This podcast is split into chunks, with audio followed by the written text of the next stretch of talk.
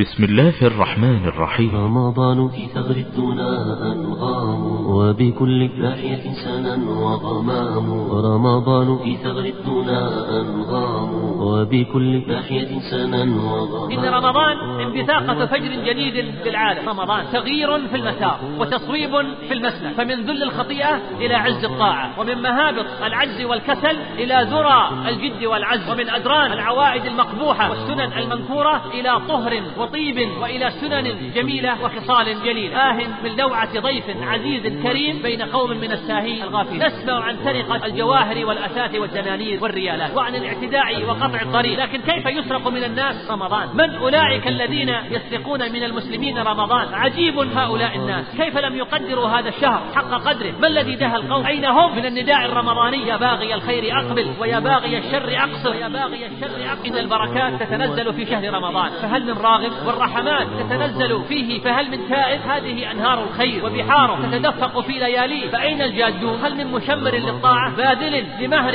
الحور العين؟ يقول النبي صلى الله عليه وسلم صام رمضان إيمانا واحتسابا غفر له ما تقدم من ذنبه. هل هناك فرصة أعظم من هذه الفرصة؟ هل هناك عرض أفضل من هذا العرض؟ ليال تمر وتمضي كلمح البصر ويذهب الجهد والتعب وتبقى حلاوة الطاعة. كم من مغبون قد حرم الخير في رمضان وكم من خاسر قد ضيع فرصة هذا الشهر. لماذا نعرض أيها الأحبة ونحن المحتاجون؟ لماذا نرفض ونحن الغارمون؟ فأين من يستغل هذه الفرصة؟ ليواجه العدو الثاني الذي هو بين جنبينا. رمضان. فيه أعمال عظيمة. ولله سبحانه في كل ليلة رتقاء من النار. معذرة يا رمضان. معذرة يا رمضان. معذرة يا رمضان. لقد أطرقت رؤوسنا خجلا. وعدت إلينا وقد غرقنا في ذلنا. رمضان عدت وهذه أوطاننا. عم الفساد بها وزاد وطال. ضاعت مقاييس الفضيلة بيننا وتبدلت أحوالنا أو حالا. معذرة يا رمضان. كنت تأتي قوما أعدوا العدة لاستقبال. وفهموا سرك. وعرفوا مغزاك. فهم ينتظرونك ويترقبونك ويتهيئون لك. اليقين المؤسسة الإسلامية للإنتاج الإعلامي والتوزيع تقدم في محراب رمضان لفضيلة الشيخ ناصر الأحمد. بسم الله الرحمن الرحيم. إن الحمد لله نحمده ونستعينه ونستغفره. ونعوذ بالله تعالى من شرور أنفسنا ومن سيئات أعمالنا. من يهده الله فلا مضل له ومن يضلل فلا هادي له. وأشهد أن لا إله إلا الله وحده لا شريك له.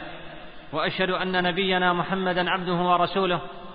اللهم صل وسلم وبارك على عبدك ورسولك نبينا محمد وعلى آله وصحبه وسلم تسليما كثيرا. ثم أما بعد.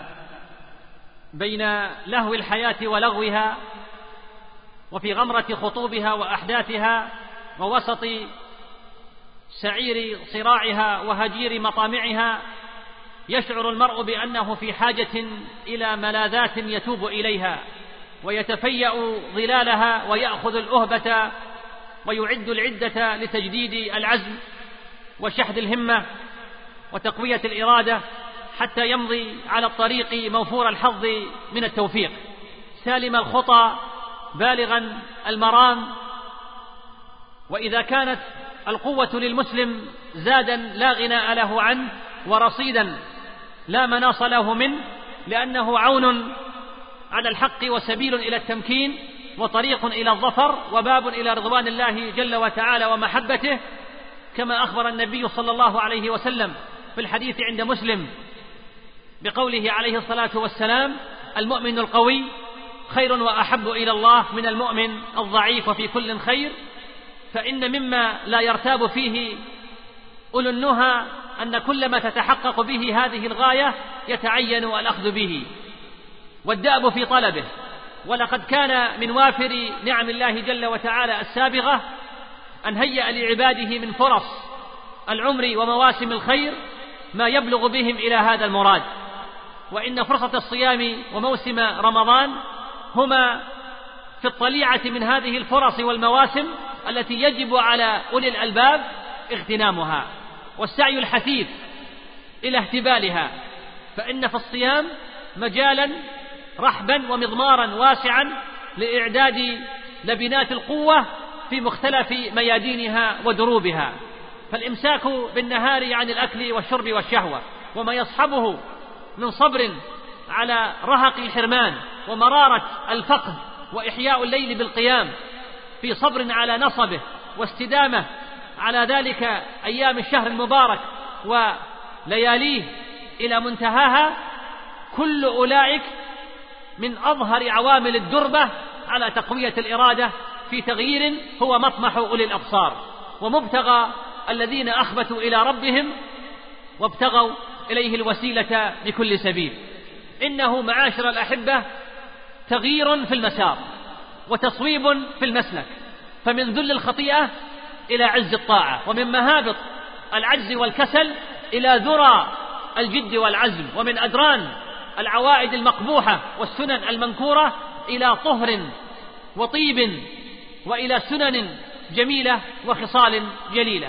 وهكذا فإن في الصيام بعثا للقوة التي وهنت أو خمدت والإرادة التي استنامت أو ذوت والعزيمة التي خارت أو استكانت لتكون خير عدة يعتد بها لبلوغ الدرجات العلى والظفر بسعادة العاجلة والعقبى في الحياة الدنيا ويوم يقوم الناس لرب العالمين.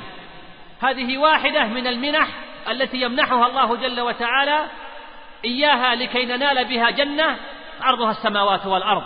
فيها ما لا عين رأت ولا أذن سمعت ولا خطر على قلب بشر. ومع ذلك يمر رمضان على بعض المسلمين هداهم الله كغيره من الشهور. بل إنه وللأسف قد يكون أسوأ حالا عند البعض وعند الترمذي. من حديث أبي هريرة رضي الله عنه قال قال رسول الله صلى الله عليه وسلم رغم أنف رجل ذكرت عنده فلم يصلي علي ورغم أنف رجل دخل عليه رمضان ثم انسلخ قبل أن يغفر له ورغم أنف رجل أدرك عنده أبواه الكبر فلم يدخلاه الجنة. في رمضان نور الإيمان يشع ويضيء ونفحات الوحي المباركات تمضي وتجيء فالأوقات بالطاعات والقربات معمورة والأرواح بالطمأنينة والسكينة بهيجة مغمورة الأجساد عن شهواتها وملذاتها تخلت والأرواح بحدى القربات توشت وتحلت وللخير العميم شمرت وتجلت. كم هو جميل يا أخي الحبيب؟ كم هو جميل وأنت تنظر لتلك الوجوه المتوضئة الصائمة وهي تنطلق إلى المساجد لتشهد صلاة العشاء ومن ثم صلاة التراويح وأجمل منها حينما تنطلق تلك الأفواج الإيمانية إلى المساجد بعد منتصف الليل لتصلي ما كتب الله لها. وأجمل من ذلك كله حينما تذرف تلك الدمعات الحارة الخائفة من عقاب الله جل وتعالى والفرحة بثواب الله. ما أجمل ذلك الجو الإيماني المليء بالخشية والإنابة والإخبات والخوف من الجليل. إنه شهر رمضان قد مر بأقوام عباد زهاد من أصحاب النبي صلى الله عليه وسلم ثم مر من بعدهم على التابعين فرأى منهم ما يشبه ذلك من العبادة والطاعة لكنه اليوم يشكو إلى الله جل وتعالى حالنا. صلاة خشوعها قليل والقراءة أيضا فيها قليلة. قصيرة الوقت قليلة الركعات وفوق ذلك كله لا يقوم بها أيضا إلا القليل من الناس. والكثرة الكاثرة قد حبسهم العذر عن حضور منازل الرحمة وبيوت الغفران. وليت شعري ما هو هذا العذر الذي حبس الكثير عن قيام رمضان؟ فهم ما بين مشغول بدنياه محبوس في متجره فهذه فرصة العام ليجمع من المال ما لا يجمعه طوال السنة ويسوق من البضائع ما تكدس عنده طوال الأشهر الماضية أو لاعب لاه مشغول بلعبه ولا يحلو عمل المباريات لكثير من الشباب في رمضان إلا وقت صلاة التراويح. أو ما بين مسلسل عند جهاز التلفاز سلسلته المسلسلات والأفلام وكبلته بالقيود والآثام والبرامج التي تكثر وتتنوع في رمضان صدا عن ذكر الله جل وتعالى وإلهاء عن الصلاة. إن البركات تتنزل في شهر رمضان. فهل من راغب؟ والرحمات تتنزل فيه فهل من تائب؟ هذه أنهار الخير وبحاره تتدفق في لياليه. فأين الجادون؟ هل من مشمر للطاعة؟ باذل لمهر الحور العين ليال تمر وتمضي كلمح البصر ويذهب الجهد والتعب وتبقى حلاوة الطاعة فهذا الثمن يا خاطب الحور صيام وقيام وصدقة وتلاوة قرآن ومجالس ذكر وغير ذلك من أعمال البر والطاعة والثمن الجنة إن شاء الله تعالى. يقول النبي صلى الله عليه وسلم من صام رمضان إيمانا واحتسابا غفر له ما تقدم من ذنبه. ويقول من قام رمضان إيمانا واحتسابا غفر له ما تقدم من ذنبه. رواهما الشيخان. فماذا تريد بعد ذلك يا عبد الله؟ ماذا تريد؟ هل هناك فرصة؟ أعظم من هذه الفرصة؟ هل هناك عرض أفضل من هذا العرض؟ إنها الخسارة. والله كل الخسارة والغبن كل الغبن أن يفوت المرء. هذه الفرصة على نفسه ويحرم نفسه هذا الخير العظيم وهو لا يدري. هل يجد فرصة ثانية مثل هذه الفرصة أو لا يجد؟ فلا إله إلا الله. كم من مغبون قد حرم الخير في رمضان وكم من خاسر قد ضيع فرصة هذا الشهر ولا يخسر على الله جل وتعالى إلا هالك. نعوذ بالله من الخسران. لماذا نعرض أيها الأحبة ونحن المحتاجون؟ لماذا نرفض ونحن الغارمون. إنه الشيطان الذي سول للكثيرين منا فمرة يقول لنا إن الله غفور رحيم وهي كلمة حق أريد بها باطل. ومرة يقول لنا لا زال في العمر متسع لنؤخر التوبة ونحن نعلم أن الموت لا يعرف صغيرا ولا كبيرا. فسبحان الله كيف انتصر علينا من علمنا بحيله ومكره؟ وقد بينها الله جل وتعالى لنا في كتابه.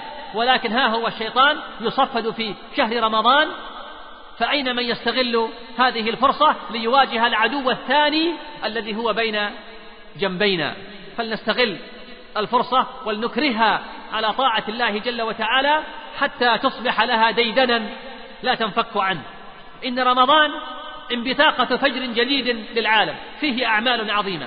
أولا فيه التوبة والإستغفار.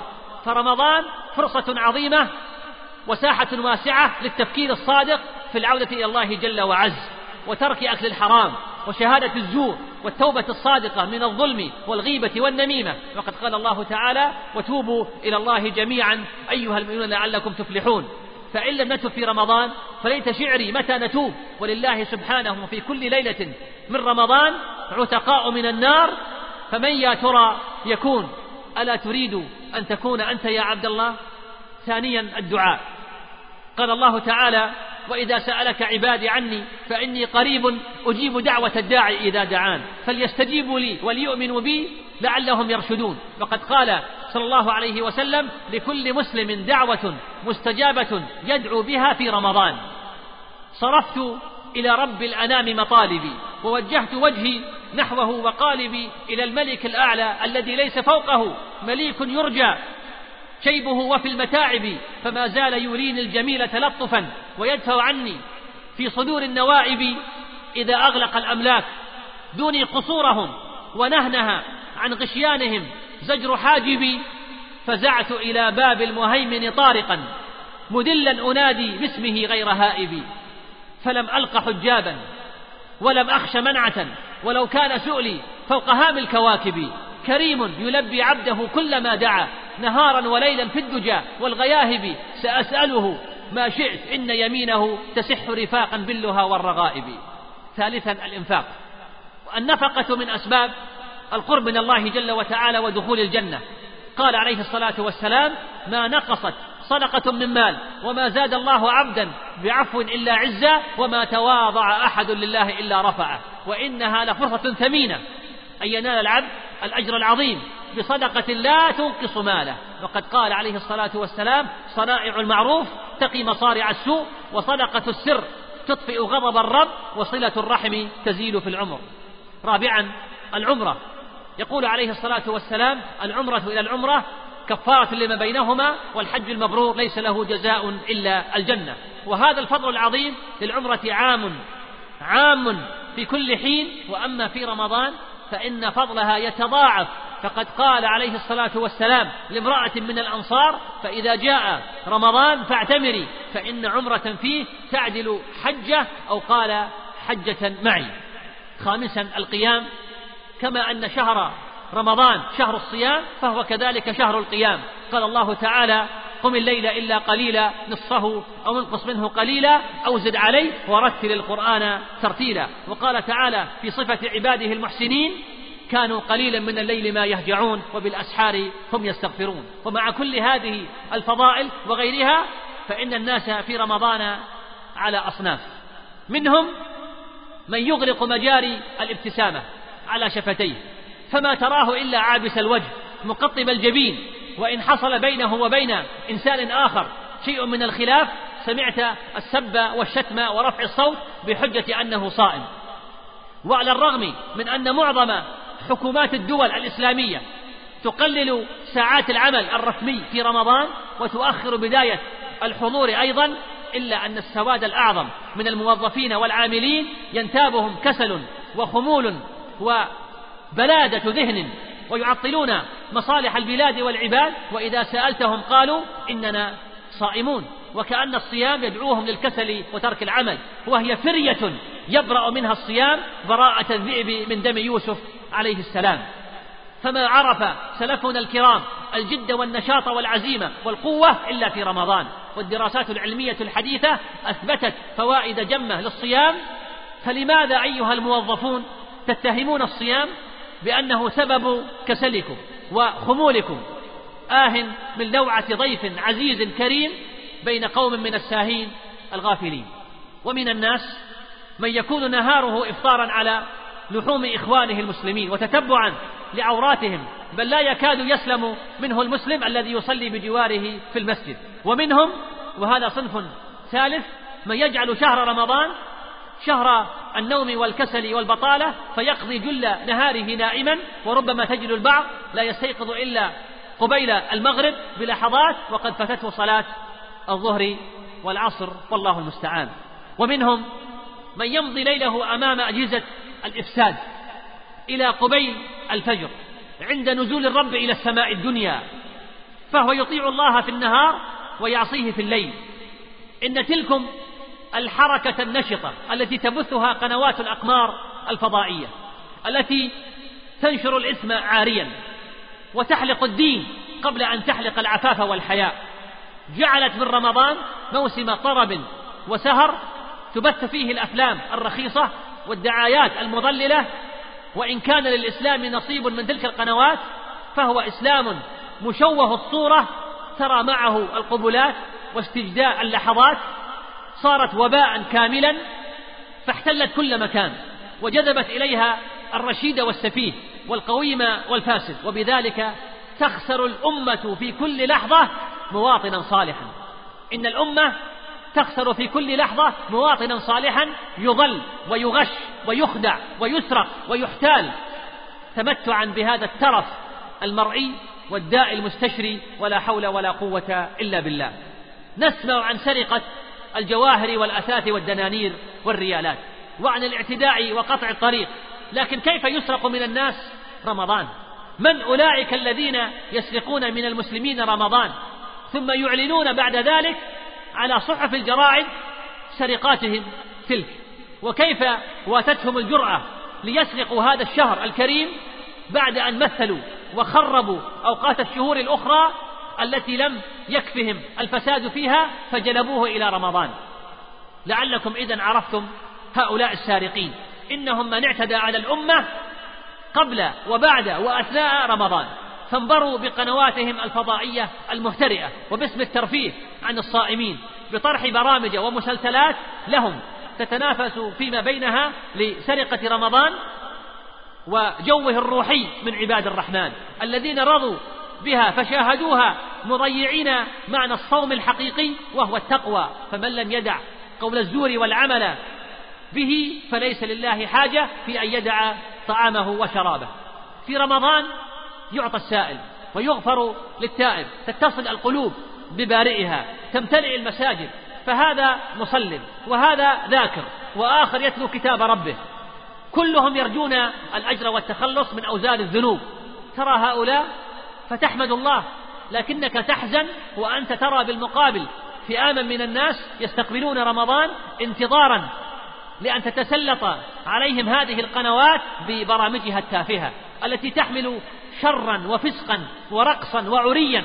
والأعظم استهزاء بدين الله جل وتعالى وشرائعه وتشويها للتاريخ ومراجعه. تطيش معها عقول من بقي معه عقل. فما الذي دهى القوم؟ ما الذي دهى القوم؟ قد يكون هدف هذه القنوات هدفا ماديا لجلب المال. ولكن بالمقابل كيف بمن أضاع فرصة رمضان العظيمة بالمغفرة والرحمة والعتق من النار ليشتري بدلا منها وزرا وإثما؟ ثم ألم يكفي هذه القنوات ورجالها ما أفسدوه خلال العام في بيوت المسلمين ليعتدوا على هذا الشهر الكريم بهذا الفسق والفجور بالبرامج الرمضانية كما يسمونها. ما الذي دهى القوم؟ وأي قناعات تسربت إليهم ليجعلوا من شهر التقى والعفاف موسم حياة لاهية وسمر عابث؟ أين هم؟ من النداء الرمضاني يا باغي الخير أقبل ويا باغي الشر أقصر ولله عتقاء من النار في كل ليلة. فمن يا ترى يكون هذا الذي اعتقه الله جل وتعالى من النار. هل تريد أن تكون يا عبد الله؟ إن البرامج الفضائية كما هو مشاهد أنها تنشط في رمضان بشكل عجيب وغريب ويتضاعف جهود المحطات وقنوات البث. وهذا لا يتعارض مع حديث أبي هريرة رضي الله عنه المتفق عليه أنه عليه الصلاة والسلام قال إذا دخل رمضان فتحت أبواب الجنة وغلقت أبواب جهنم وسلسلة الشياطين. وفي رواية مسلم وصفدت الشياطين. لأن الذين يسلسلون هم الشياطين من الجن كما جاء في رواية الترمذي وابن ماجه ومردة الجن. لكن الذين وراء هذه البرامج هم مردة شياطين الإنس ممن يتسمى بأسماء إسلامية. لكنه مع الأسف يتنكر لدينها وأهلها. بل وعاداتها وتقاليدها المرعية بهذه البرامج ودعمها المادي وهي التي لا هدف لها إلا إزالة الأجر والثواب الذي حصل عليه العبد في نهار رمضان. فتأتي هذه البرامج وتقضي عليه بالليل لكن هؤلاء الشياطين لم يدعوا الصائمين من جمع الحسنات حتى في النهار. دعمها المادي وهي التي لا هدف لها إلا إزالة الأجر والثواب الذي حصل عليه العبد في نهار رمضان. فتأتي هذه البرامج وتقضي عليه بالليل لكن هؤلاء الشياطين لم يدعوا الصائمين من جمع الحسنات حتى في النهار لأن قنوات البث تعمل طوال ساعات الليل والنهار. فانشغل الكثيرون مع كل أسف حتى في نهار رمضان انشغلوا عن الذكر والاستغفار وقراءة القرآن وجلسوا أمام هذه القنوات واكتفوا من الصيام بالإمساك عن الطعام فقط. إن الذي يرجع البصر في بلاد المسلمين وهي تستقبل شهر رمضان في هذه الأيام يجد بونا شاسعا بين ما نفعله في زماننا هذا من مظاهر استقباله وما كان عليه النبي عليه الصلاة والسلام وأصحابه رضي الله تعالى عنهم وأرضاهم. وإن القلب ليملي على البنان عبارات اللوعة والأسى فيكتب البنان بمداد المدامع وينفطر الجنان من الفتن الجوامع فالسلف رحمهم الله تعالى كانوا يدعون الله جل وتعالى ستة أشهر حتى يبلغهم رمضان. فإذا بلغوه اجتهدوا في العبادة فيه ثم دعوا ربهم سبحانه وتعالى ستة أشهر أخرى أن يتقبله منهم. أما أصحاب القنوات الفضائية والإذاعات في زماننا فإن معظمهم يستعد لرمضان قبل مجيئه بستة أشهر بحشد كل فيلم خليع وكل مسلسل وضيع وكل غناء ماجن رخيص للعرض على المسلمين في أيام وليالي رمضان لأن رمضان كريم كما يعلنون ولسان حالهم يقول شهر رمضان الذي أنزلت فيه الفوازير والمسلسلات ولأن مردة شياطين الجن تصفد وتغل في شهر رمضان عز على إخوانهم من شياطين الإنس الذين يمدونهم في الغي ثم لا يقصرون عز عليهم ذلك فناوأوا دين الله جل وتعالى وناصبوه العداء وأعلنوا الحرب ضده في رمضان بما يبثونه ليل نهار على مدار الساعة على كثير من الشبكات الأرضية والفضائية فأين هم؟ إن كانوا صادقين. مما يحدث لإخواننا المسلمين المشردين في هذه الأيام. أين هم؟ عما يحصل لإخواننا في فلسطين أو العراق أو أفغانستان أو كشمير أو الشيشان أو غيرها من بلاد الله عز وجل. وأين هم؟ لو كانوا صادقين من نقل ما يجري في كثير من بلدان المسلمين المنكوبة والمستعمرة من القوى الغربية ظلما وعدوانا. وما إن تغمر نفحات الشهر الكريم أرجاء الدنيا حتى تنقلب حياة كثير من المسلمين رأسا على عقب فيتحولون إلى خفافيش فيجلسون طيلة الليل أمام الشاشات ثم ينامون قبل الفجر وفي النهار نيام كجيف خبيثة والله المستعان. عجيب هؤلاء الناس. كيف لم يقدروا هذا الشهر حق قدره ولم يستشعروا حديث النبي صلى الله عليه وسلم؟ أتاني جبريل فقال يا محمد من أدرك رمضان فلم يغفر له فأبعده الله. قل آمين فقلت آمين.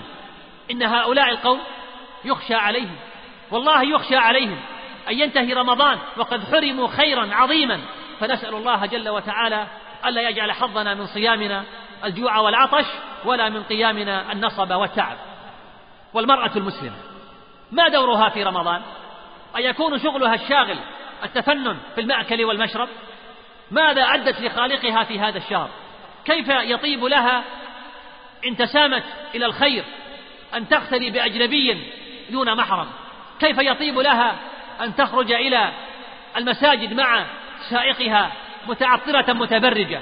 قد اصطحبت أطفالها في سذاجة وبلادة وكأن المصلية هي وحدها. آدت وآنت فما صلت ولا صامت. تحملت الوزر من حيث أرادت الأجر وربما اعتمرت فطافت وسعت ثم قصرت فحلت إحرامها وخرجت إلى الأسواق. كاشفة الوجه أو العينين. أثارت كوامن الشهوة بعينيها.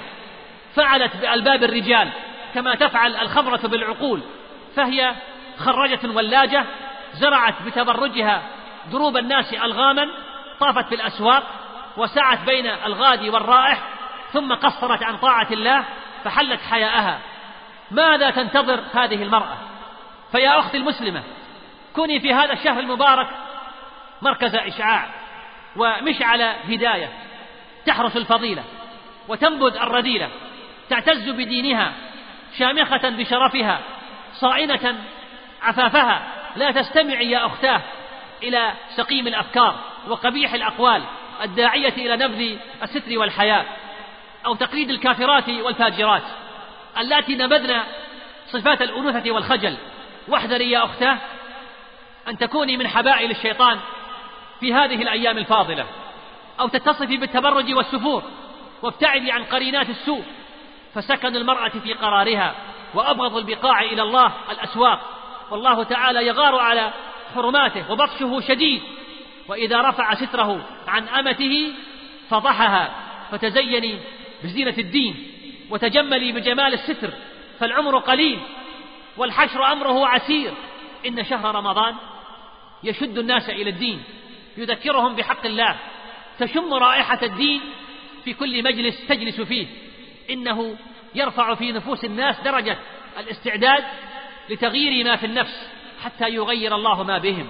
إن الله لا يغير ما بقوم حتى يغيروا ما بأنفسهم. يشعرهم رمضان بضرورة هذا الدين. لهم كضرورة الماء والهواء.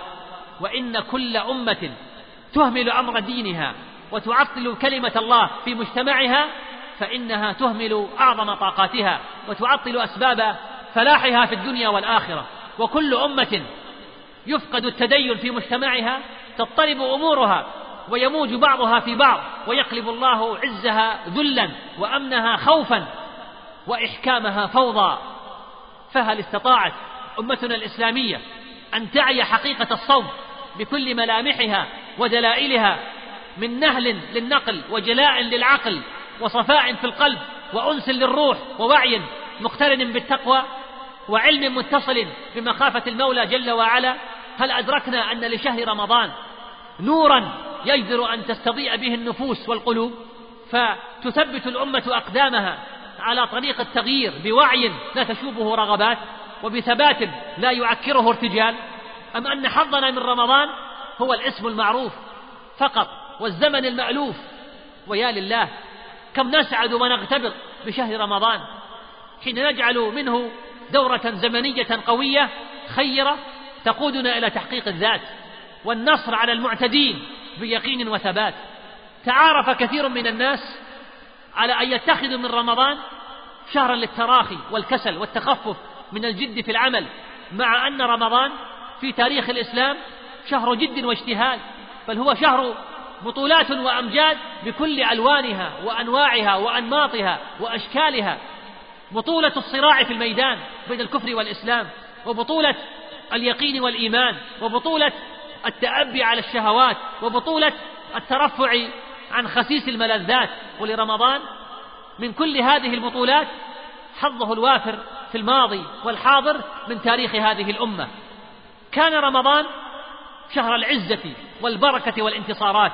فمعذرة إليك إذا لم تجد عندنا ما كنت تؤمل وترجو. لقد كنت تشرق على أمة الإسلام وهي عزيزة لم تقف على الأبواب ولم تستعطف الأعداء ولم تخضع للكافرين. كنت تشرق عليها وفي كل أرض منها آذان يعلو ومنابر ترتفع وشعائر يعلن بها الناس. كنت تشرق يا رمضان عليها وإنها لزعيمة العالم. وقائدة الدنيا واليوم على ماذا تشرق على جرح فلسطين الدامي؟ أم على آلام أفغانستان؟ أم على المآسي في العراق؟ أم على فجيعة الشيشان؟ أم على مصيبة كشمير؟ معذرة يا رمضان لقد أطرقت رؤوسنا خجلا وعدت إلينا وقد غرقنا في ذلنا. رمضان عدت وهذه أوطاننا عم الفساد بها وزاد وطال ضاعت مقاييس الفضيلة بيننا وتبدلت أحوالنا أو حالا.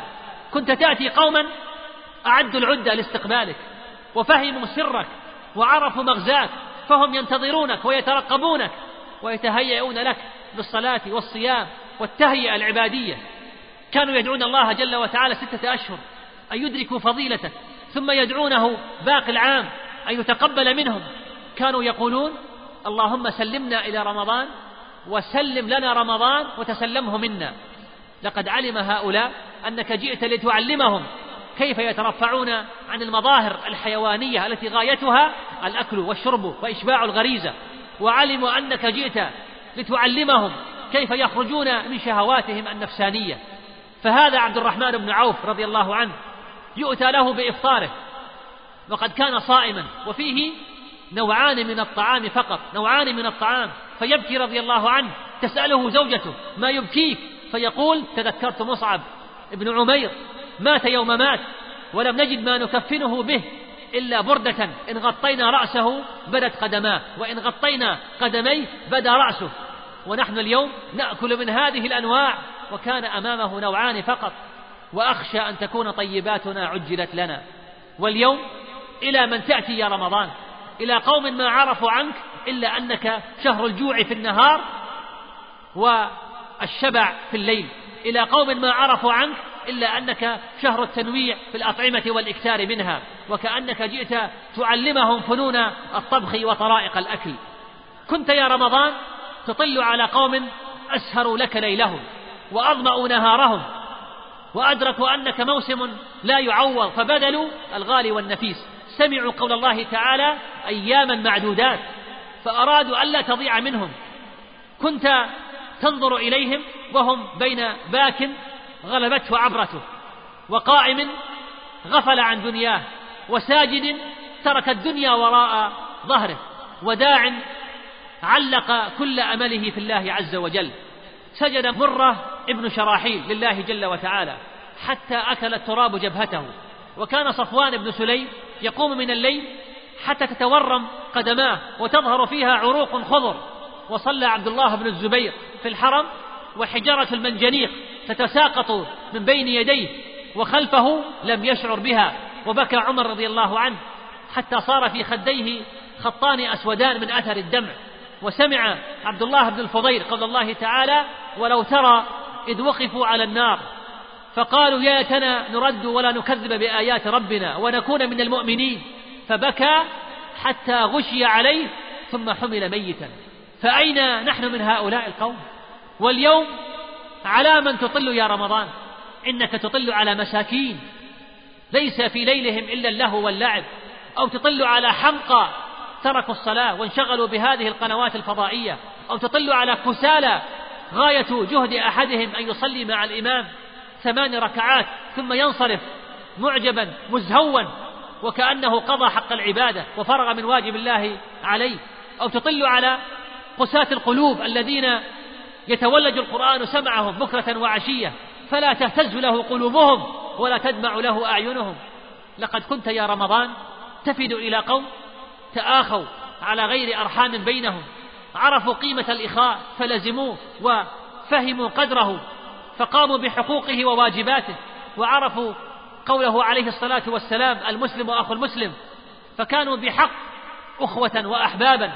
يرحم الكبير الصغير ويحترم الصغير الكبير.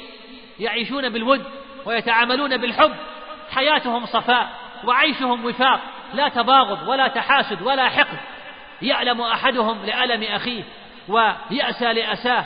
يقضي حوائجه ويسد خلته ويتلمس مصالحه ليقضيها. جاء رجل إلى ابن عباس رضي الله عنهما وكان معتكفا في المسجد. جاء يسأله قضاء حاجة له. فقام ابن عباس ليخرج معه. فقالوا له إنك معتكف. فقال لئن أسعى في قضاء حاجة أخي أحب إلي من اعتكاف شهرين في مسجد النبي صلى الله عليه وسلم. واليوم مع كل أسف تفد على قوم استبدلوا العداوة بالإخاء والخصومة بالصفاء ورضوا بالتباغض والشحناء. تفد على قوم ضمر فيهم حس الأخوة الإيمانية والرابطة الربانية فهم لا يشعرون بمصاب إخوانهم في شرق الأرض وغربها ولا يهتزون للأعراض المنتهكة والأراضي المغتصبة والحقوق المهدرة وكأنهم لم يسمعوا قوله عليه الصلاة والسلام من لم يهتم بأمر المسلمين فليس منهم. هذه جراحنا هذا واقعنا الذي نعيشه. هكذا تبدلت الدنيا وتغير الناس. واستحال الزمن زمنا آخر. فهل نجد في رمضان القادم ما يغير الحال؟ وهل يكون لنا محطة نخرج منها بوجه غير الوجه الذي دخلنا به؟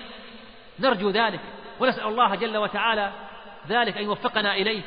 بعد أيام قلائل يبشر المؤمنون بإذن الله بشهر رمضان الذي يفتح الله فيه أبواب الجنة ويغلق أبواب النار. بشهر لا تحصى فضائله.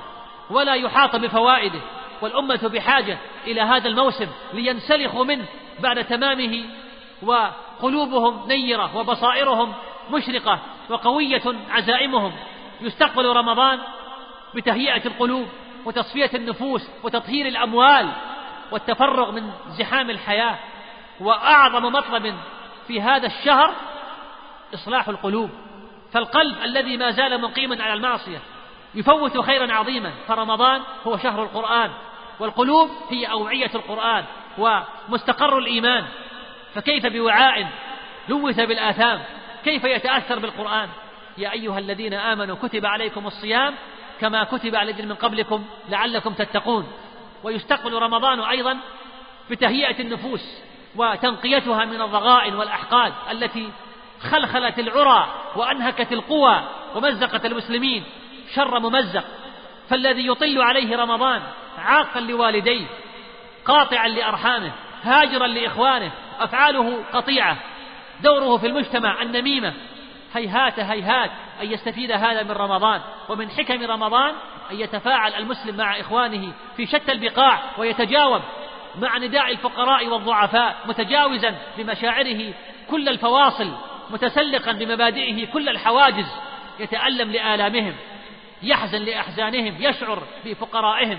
ويستقبل أيضا رمضان بتطهير الأموال من الحرام.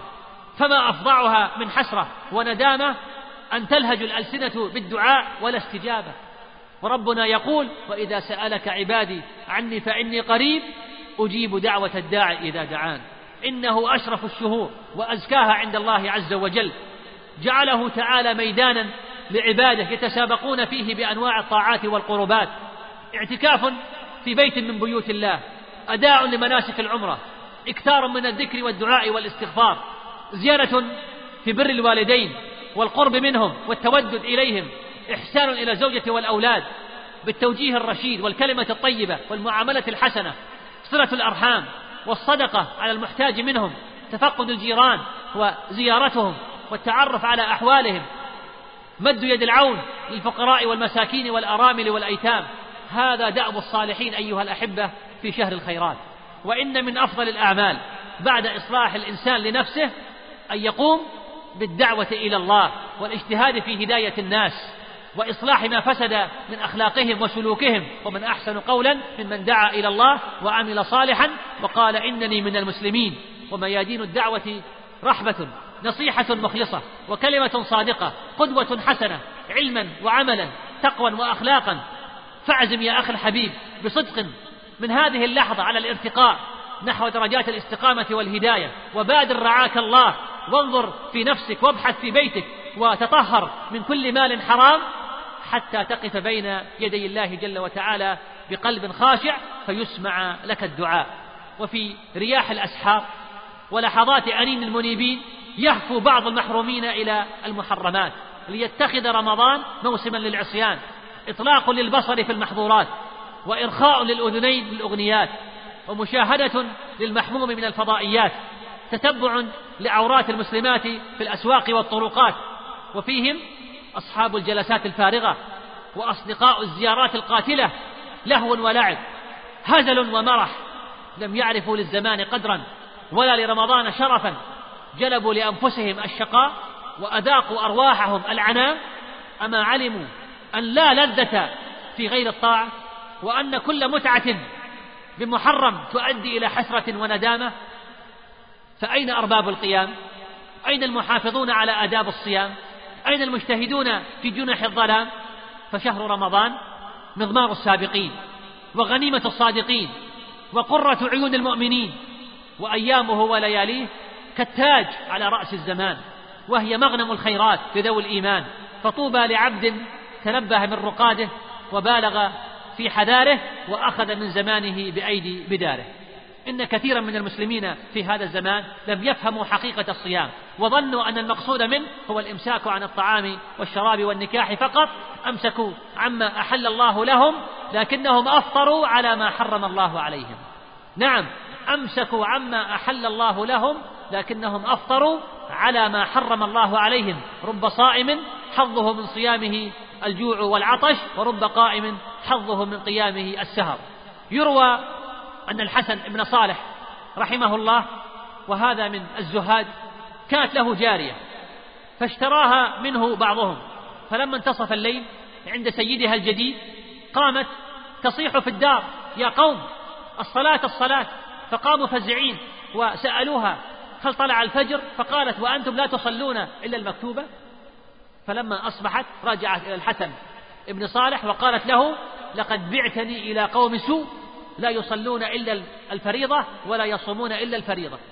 فردني فردها رحمه الله. ومن المسلمين اليوم من ضيع الفروض في رمضان مع كل أسف. ضيعوا الفروض والفرائض في رمضان. فيا من ضيع الزمان.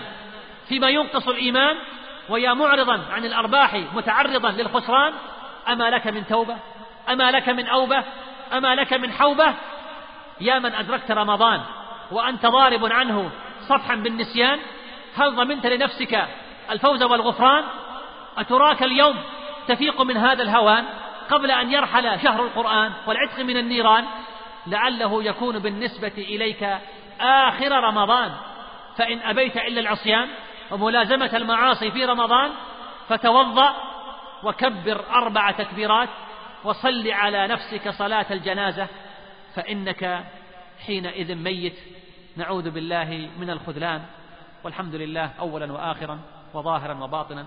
وأصلي وأسلم على عبده ورسوله نبينا محمد وعلى آله وتفضلوا بقبول تحيات إخوانكم بمؤسسة اليقين للإنتاج الإعلامي والتوزيع. هاتف رقم ستة صفر خمسة ستة ستة ستة تسعة. فاكس ستة صفر خمسة واحد واحد واحد صفر. ولا تنسوا أن حقوق النسخ محفوظة.